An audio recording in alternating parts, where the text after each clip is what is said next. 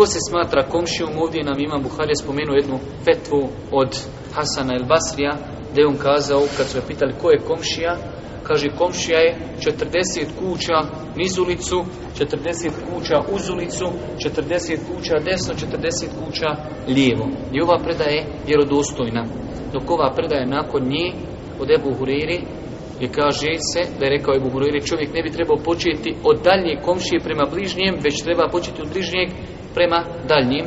Znači ova predaja je daiv, ali imamo ovu predaju od Božih poslanika malo prije od e, Aiše, koja je vjerodosnovna, koja kaže dati prednost onima koji su bliži.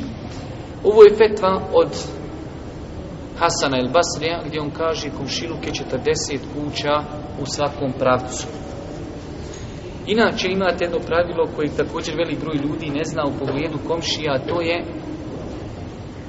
da sam termin komšiluk ljudi svataju mnogo uže nego što on jest. Nije samo komšija, komšija onaj koji živi s nama vrata do vrata do naše kući. Pojam komšije je širi. Na kraju krajeva i država do države je komšijska država. I grad do grada je komšijski grad.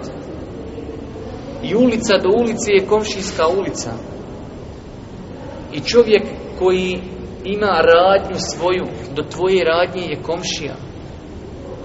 I čovjek koji ima svoju zemlju tamo negdje, neka parcela, a ti živiš ovdje, ali gore je parcela, i on je komšija.